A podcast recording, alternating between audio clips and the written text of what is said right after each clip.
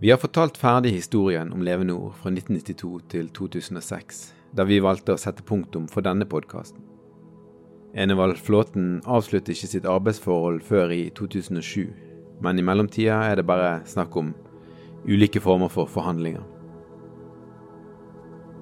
Etterspillet på Øvre Kråkenes og den påfølgende ryddejobben er et kapittel som ikke vi har tatt på oss i denne podkasten. Noe av det er kommet fram i ulike oppslag i pressen, men for det meste så melder man bare hva som skjer. Enevald Flåten er ferdig på Levende Ord. Levende Ord er historie, skifter navn til Kredokirken. Men Enevald Flåten snakker altså ut om livet etter Levende Ord i en artikkel som ligger på dagen.no, som ble publisert i sommer. Denne sjuende episoden handler om å gå tilbake til starten. En slags rekapitulering. Jeg må innrømme at etter vi nådde sommeren 2006 i forrige episode, så ble det en slags ferdigstilling for min del. Og jeg har lurt litt på om det er for tidlig å rekapitulere. Den overveldende tilbakemeldingen fra dere som lytter, har vist meg at gjensynet med denne historien har skapt så utrolig mange forskjellige tanker, følelser og refleksjoner men med det forbeholdet, her er sjuende episode, tilbakeblikk.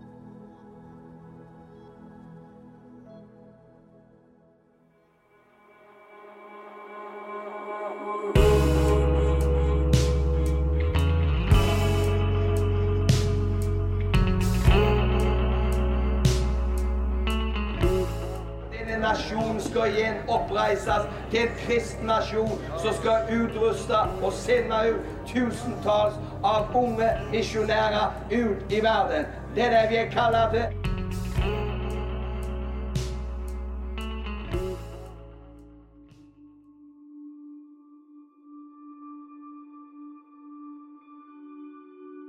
I høst, når jeg arbeidet med denne podkasten, hadde jeg litt kontakt med Bjørn Øyvind Fjell. Han er pensjonist nå etter en lang karriere som pastor og akademiker. Han leder Misjonsforbundet gjennom hele 80-tallet, og vi snakker litt sammen om den turbulente, men òg spennende og fine tida. Du husker kanskje at Enevald Flåten og hans venn og kompanjong Nils Gustav Johnsen opprinnelig var aktive i flere menigheter i Misjonsforbundet. Bjørn Øyvind tok kontakt igjen nå i etterkant av podkasten, og skriver noe som kan ta oss tilbake til det kanskje viktigste perspektivet vårt fra 80-tallet. For han sier at han kjenner igjen de to sidene som vi har malt fram i podkasten. På den ene sida, skriver han, så hørte Enevald Flåten fra Gud, talte til vekkelse og inspirerte troens folk til innsats. På den andre sida, som Bjørn Øyvind òg skriver, så aspirerte han til å bli konge.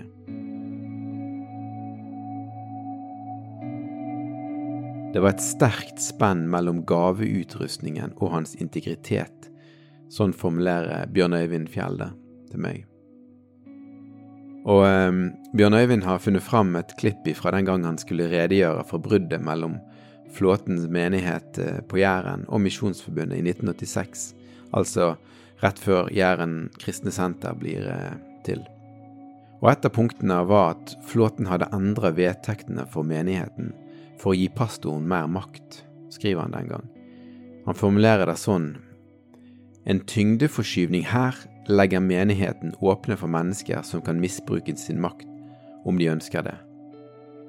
Det skrev altså Bjørn Eivind Fjell i Misjonsbladet rett før jul 1986. Leif Jacobsen snakker noe om dette her, at eh, ikke det var strukturer på plass som kunne holde lederskapet ansvarlig. Ingen hadde makt og autoritet til å si til pastoren på Øvre Kråkenes at han måtte tre til side, ikke engang for ei stund. Og det er vel egentlig omtrent akkurat da Bjørn Øyvind advarer mot i 1986. Nils Gustav Johnsen sa til meg at han har tenkt at det kanskje ikke var rett å bryte med Misjonsforbundet. Om det var mulig å unngå, er et annet spørsmål, tenker jeg.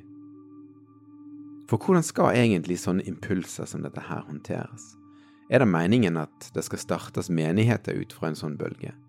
Eller er det meningen at det skal fornye en menighet innenfra? Jeg tenker at det er gode spørsmål å tenke gjennom. Kirka kommer vel aldri til å kunne forutse sånne fornyelser og bølger, men er det naivt å tenke at man kan ha en slags beredskap klar?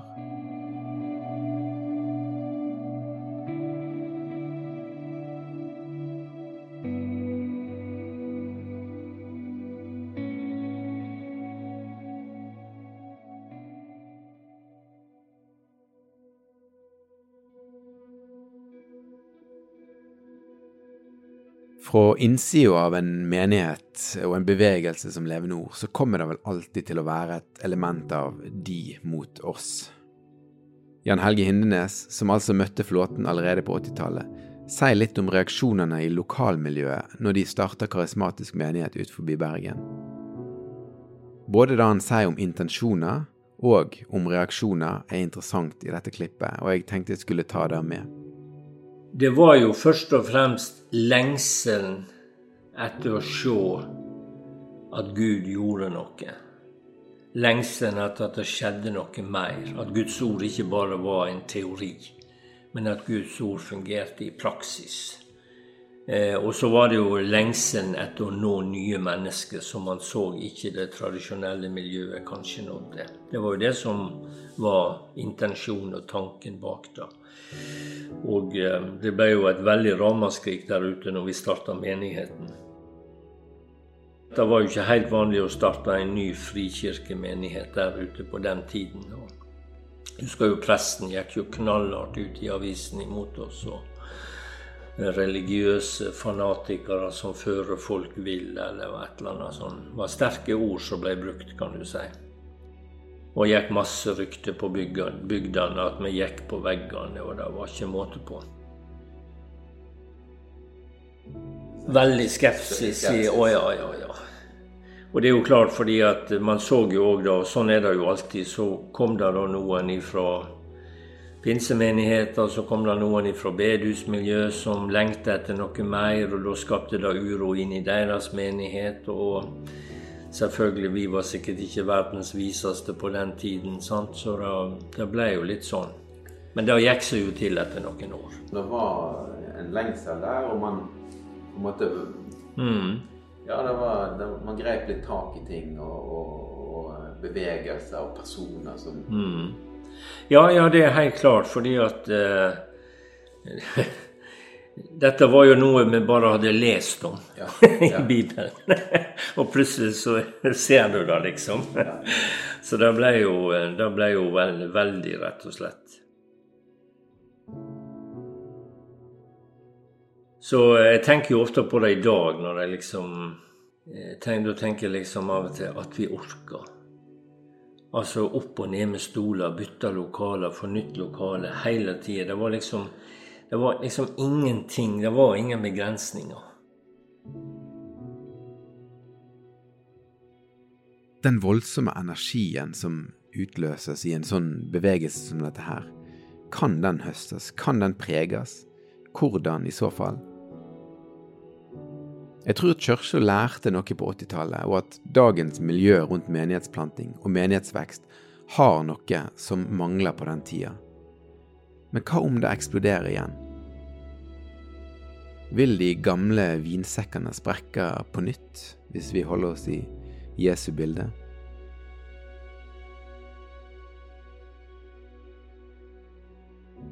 La oss gå videre til 90-tallet og oppstarten på Øvre Kråkenes. Som du husker var det en voldsom oppmerksomhet rundt oppstarten.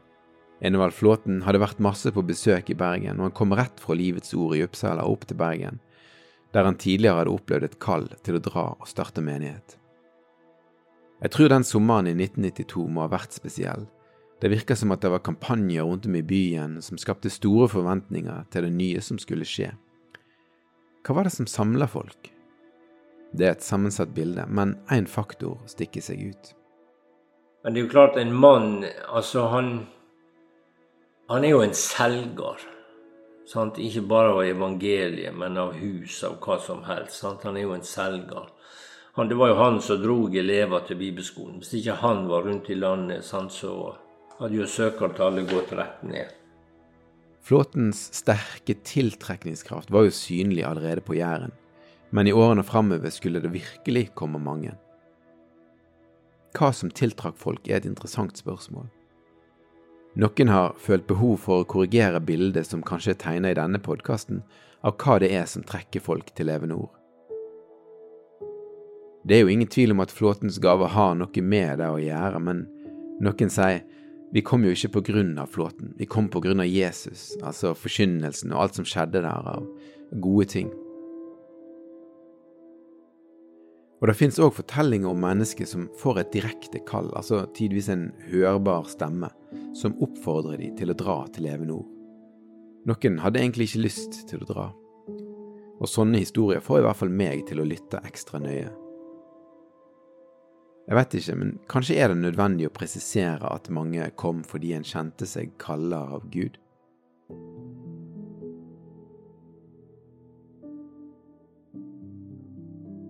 Men jeg vil vel påstå at de to ser ut til å henge sammen, i hvert fall.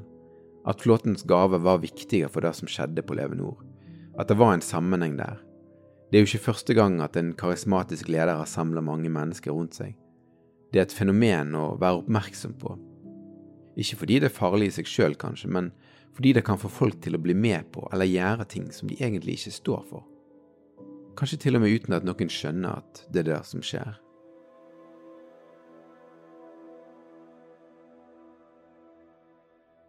Jeg tror noen dro av helt fri vilje til Øvre Kråkenes, og gjerne på et kall man opplevde var fra Gud. Og det sier jeg fordi jeg har snakka med folk som har sånne historier. Men jeg tror òg at noen opplevde at de, eller kanskje foreldrene deres, fikk et usunt forhold til trosbevegelsen, sånn han kom til syne blant annet på Leve Nord.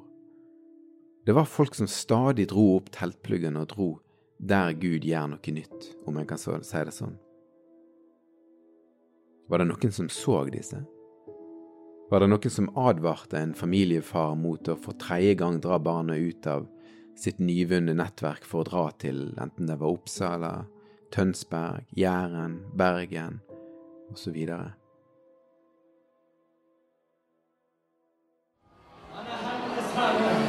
Han er Messias, den levende Guds sønn. Halleluja. Vi må løfte hans navn opp. Vi søker først og fremst Gud vi søker Hans rike. Vi søker om å nå ut med evangeliet. Og i den går ut med evangeliet, så vil Gud òg velsigne alle livets områder. Fordi at Gud er en god Gud.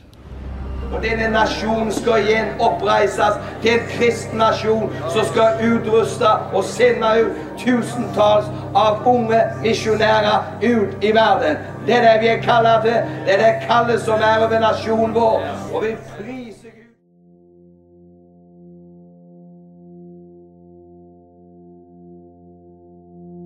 Noe som jeg har tenkt masse på i arbeidet med denne podkasten, er forholdet mellom forkynnelse og visjoner. La meg prøve å forklare hva jeg mener. Kristen forkynnelse handler jo selvfølgelig om å forklare og anvende bibeltekster, gi evangeliet. Visjon, eller visjonssetninger, i denne sammenhengen blir det gjerne sett på noe, som noe som er inspirert av Gud, og det handler gjerne om hva vi tror at Gud vil gjøre spesifikt i vår menighet, vårt nabolag, vår nasjon osv. Jeg lurer på om det er et eller annet med at hvis disse visjonene blir uttalt fra samme talerstol, og med samme tone, innlevelse og kanskje med samme påståelighet som selve forkynnelsen, kan det være grunnen til at en del sitter igjen med store problemer når de skal sortere mellom tru og det andre som de har blitt fortalt. For jeg har snakket med mennesker som sliter med det. Særlig en kilde som gjorde inntrykk på meg, sa at det rett og slett var løftene som gjorde at vedkommende var kommet til Levende Ord, etter først å ha kommet til en annen trosmenighet av samme grunn. Han trodde rett og slett på løftene om at ekteskapet skulle bli reparert, at det skulle være menigheter i hver by, og at nasjonen skulle nås for Kristus. Og Da kunne det være vanskelig, og det er fortsatt vanskelig, å leve i spenningen mellom løftene og virkeligheten. Noen vil kanskje si at man slår inn en åpen dør her, at det er annerledes nå, og igjen, kanskje 80- og 90-tallets overmot har lært oss ei lekse der. Men jeg har oppriktig talt blitt overraska over å høre hvordan disse to ble vikla inn i hverandre, selv om det garantert ikke var hensikten. Jeg tror i hvert fall ikke vi skal være blind for muligheten av at de to kan blandes sammen.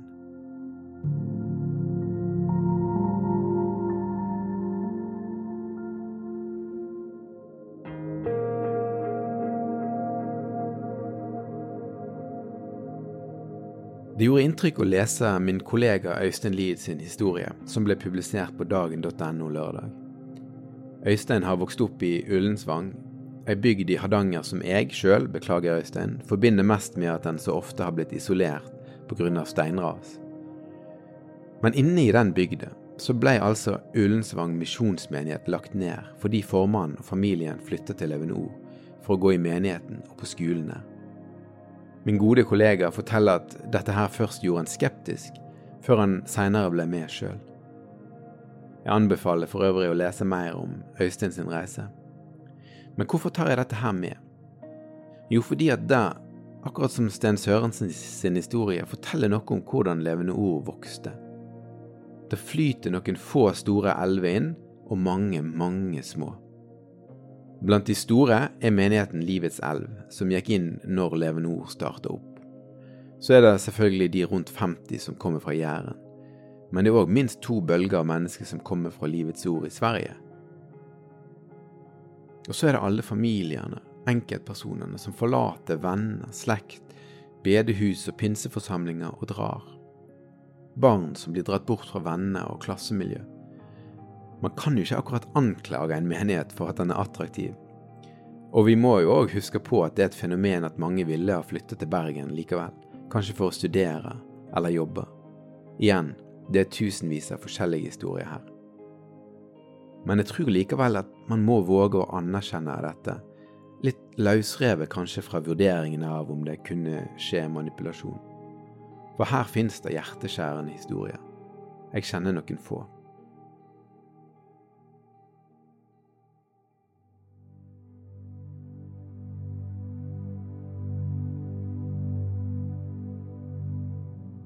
Jeg vet ikke, dette her var noen refleksjoner, og kanskje ikke engang de viktigste. Vi kunne snakka i timevis om alt fra gudsmannen til de mange som aldri klarte å reise seg etter at levende ord falt sammen. Og noe av det håper jeg å dekke i bonusepisoder framover. Avslutningsvis så Å si at denne podkasten har vært en spennende reise, føles litt platt. Helt fra tanken begynte å modne fram, er det som at prosjektet har bydd på seg sjøl. At hovedpersonen sjøl, Envald Flåten, skulle sovne inn den morgenen vi publiserte fjerde episode, ble spesielt. Når man er i berøring med sånne tilfeldigheter, er det kanskje best å la de være uanalysert, tenker jeg. Men jeg håper at det kom noe unikt og godt ut av det.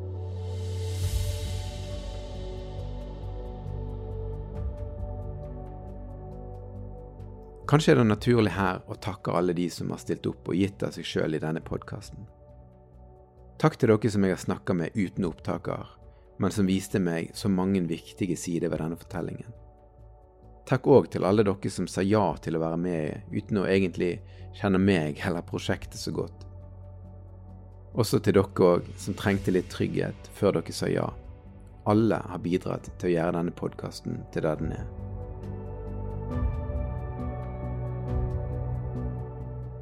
Så må jeg òg få si det, takk til Dagen og ledelsen her, som har gitt meg rom til å arbeide med denne fortellingen. Og selvfølgelig teamet med fantastisk klipping fra Miriam. Raus og god ledelse fra Vebjørn Selbekk. Nydelig samarbeid med kollega Herman Fransen, som ble så viktig på Filippinene særlig. Klok markedsføring og pen grafikk fra multikunstner Simon Sætren. Og til artist Gjede Stenersen for tillatelse til å bruke låten Engleøyne. Takk òg til deg, Kristian Mastrander i Lyder Produksjoner, for veldig god coaching gjennom hele prosessen fram til lansering. Takk òg til deg som har brukt så masse tid på å lytte og ikke minst alle dere som òg har gitt respons og delt med meg av deres historie. Det har gjort det til noe mer enn bare en podkast, tenker jeg. Og så for meg blir det òg naturlig å takke Han som ser og kjenner alle våre veier, og som elsker oss likevel. Og hvis du skulle ha innspill, tanker, ideer, eller kanskje erfaringer og historier som du syns jeg trenger å høre, så bare skriv en mail til meg på eivind.dagen.no, eller finn meg på andre måter og jeg er veldig, veldig glad for å høre fra dere som lytter på podkasten. Så takk for meg i denne omgang, og så kommer vi tilbake med spennende bonusepisoder og intervjuer, så bare følg med på hva som skjer inne på Dagen podkast, eller der du har funnet podkasten Leve Nords vekst og fall.